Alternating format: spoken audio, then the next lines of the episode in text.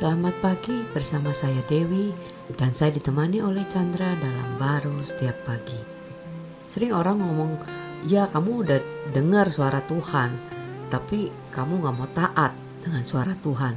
Nah itu kadang terjadi ya di dalam kitab Yunus juga terjadi itu di dalam uh, Yunus 1 ayat 3 dikatakan tetapi Yunus bersiap untuk melarikan diri ke Tarsis jauh daripada hadapan Tuhan.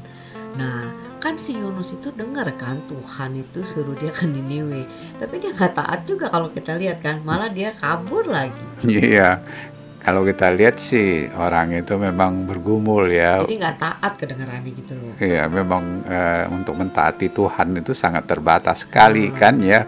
Untuk mendengar suara Tuhan aja orang bikin udah seakan-akan sulit sekali uh, gitu kan. Eh udah denger akhirnya perlu taat lagi. Taat lagi gitu. Iya, sedangkan mentaati Tuhan itu kan kan susah sekali ya. Uh, dia punya pekerjaannya itu sering kali udah jauh melampaui dari Betul. kekuatan batas. Kadang-kadang kan. Gitu. Iya, bagi Yunus kan batasan pikiran dia kan bukan ke situ, tapi Tuhan punya uh, bicaranya uh, ke situ, hmm. ingin menyelamatkan dia, mereka lagi yang di situ, sedangkan dia ngelihatnya nggak begitu, sehingga yeah. ya konflik lah ya, sehingga hmm. maklum-maklum aja, sehingga dia nggak bisa taat seperti itu melarikan diri.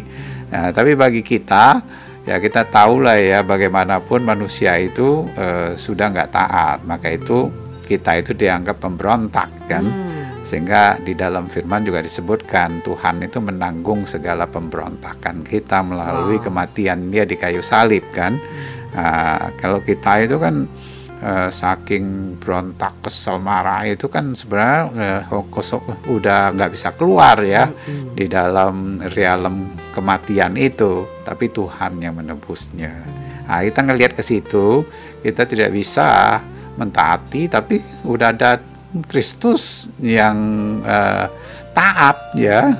Kan dia bilangin dia itu taat sampai mati. Iya. Disalibkan. Iya, sebenarnya dia menanggung uh, ketidaktaatan kita, ketaatan hmm. dia uh, uh, sehingga resiko yang harusnya kita tanggung yang nggak bisa kita tanggung lagi sudah ditanggung oleh dia.